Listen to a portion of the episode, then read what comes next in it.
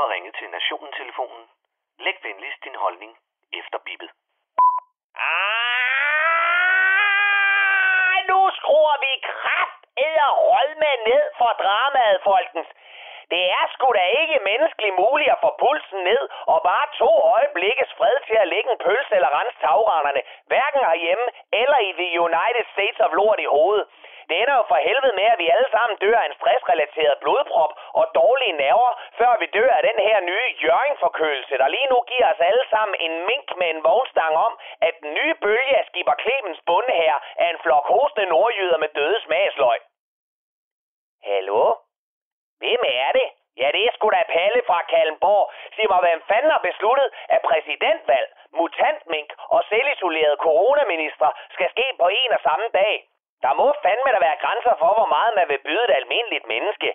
Først så sætter man sig til rette med cola og burger og spare ribs for at se præsidentvalg hele natten, for derefter så at falde i søvn, som man plejer kl. 21. Vågne med syltet agurk og kødmarinade i skødet, og så finde ud af, at de skydegale røvhuller ikke har valgt en præsident. Hverken ham den demente med voksenblæ, eller ham den fede med bruncreme kan kalde sig selv for vinder. Og Paul Erik Skammelsen, han sidder med øjnene hængende nede ved mellemkødet og ligner åbningsscenen på Saving Private Ryan, fordi han kan se frem til endnu 24 timers padlen foran kameraet, imens vi venter på den gule frityrerøg fra Washington. Jamen, Palle, det er jo verdens største demokrati, og den slags tager tid. Ja, ja, ja, ja. Luk lige i kødnovellen, Ulla Terkelsen. Det er sidste gang, jeg følger med i det lort. Den nation af bypass-opererede slavehandlere, de kan beholde deres magtliderlige plejehjemsbeboere for sig selv. Jeg vil hellere grine af Andreas Bo, end jeg vil opleve mere fra den kant.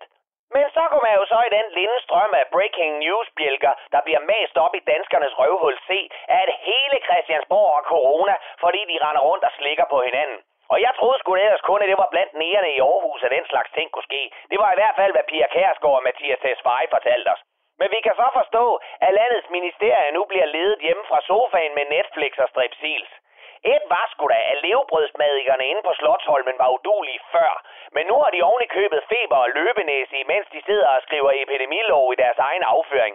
Hvis Kåre Mølbak for alle vil bevise, at han ikke bare er en forvokset kromosomfejl med en Ph.D. i børnediarré, så tog han mutantpolitikerne og proppede dem i en gasboks, Nordfjords, sammen med de hissige knæver og fik det overstået, inden de spreder mere smitte og socialdemokratisk politik ud over landet. Jamen, Palle, har du da slet ingen empati? Jo, det kan du fandme tro, med minkavlerne. Men hvis der ryger en enkelt eller to ministre i svinget, så kan jeg sgu ikke skide skråt over det. 1000 arbejdspladser, de forsvinder nu, fordi Reichsfyrer Frederiksen og Oberstumbarnfyrer Mogens Jensen har valgt at omdanne Frederikshavn, Jørgen og Brønderslev til henholdsvis Buchenwald, Theresienstadt og Auschwitz. Med den nordenfjordske endløsning, så mangler vi bare at forbyde Lego og voldbilkoncerter, så burde den danske økonomi og folkesjæl snart ligne dagen derpå efter den socialdemokratiske krystalnat. Ah, nu kører du den vist for langt ud, Palle. De nye vacciner skulle jo gerne virke, og de muterede mink var en fare for os alle sammen. Ja, tak for info, Dr. Mengele. Nu skal du kraftedeme lige høre her.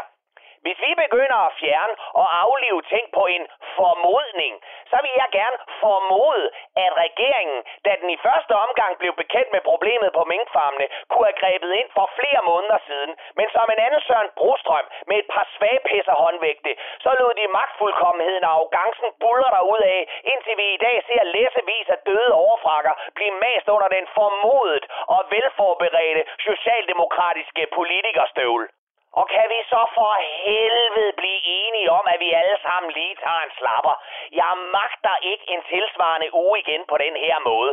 For så vil jeg sgu hellere gense programrækken Jim og Gita på nye eventyr med startkabler på nosserne og en rusten kop koldt pis serveret af Allan Olsen.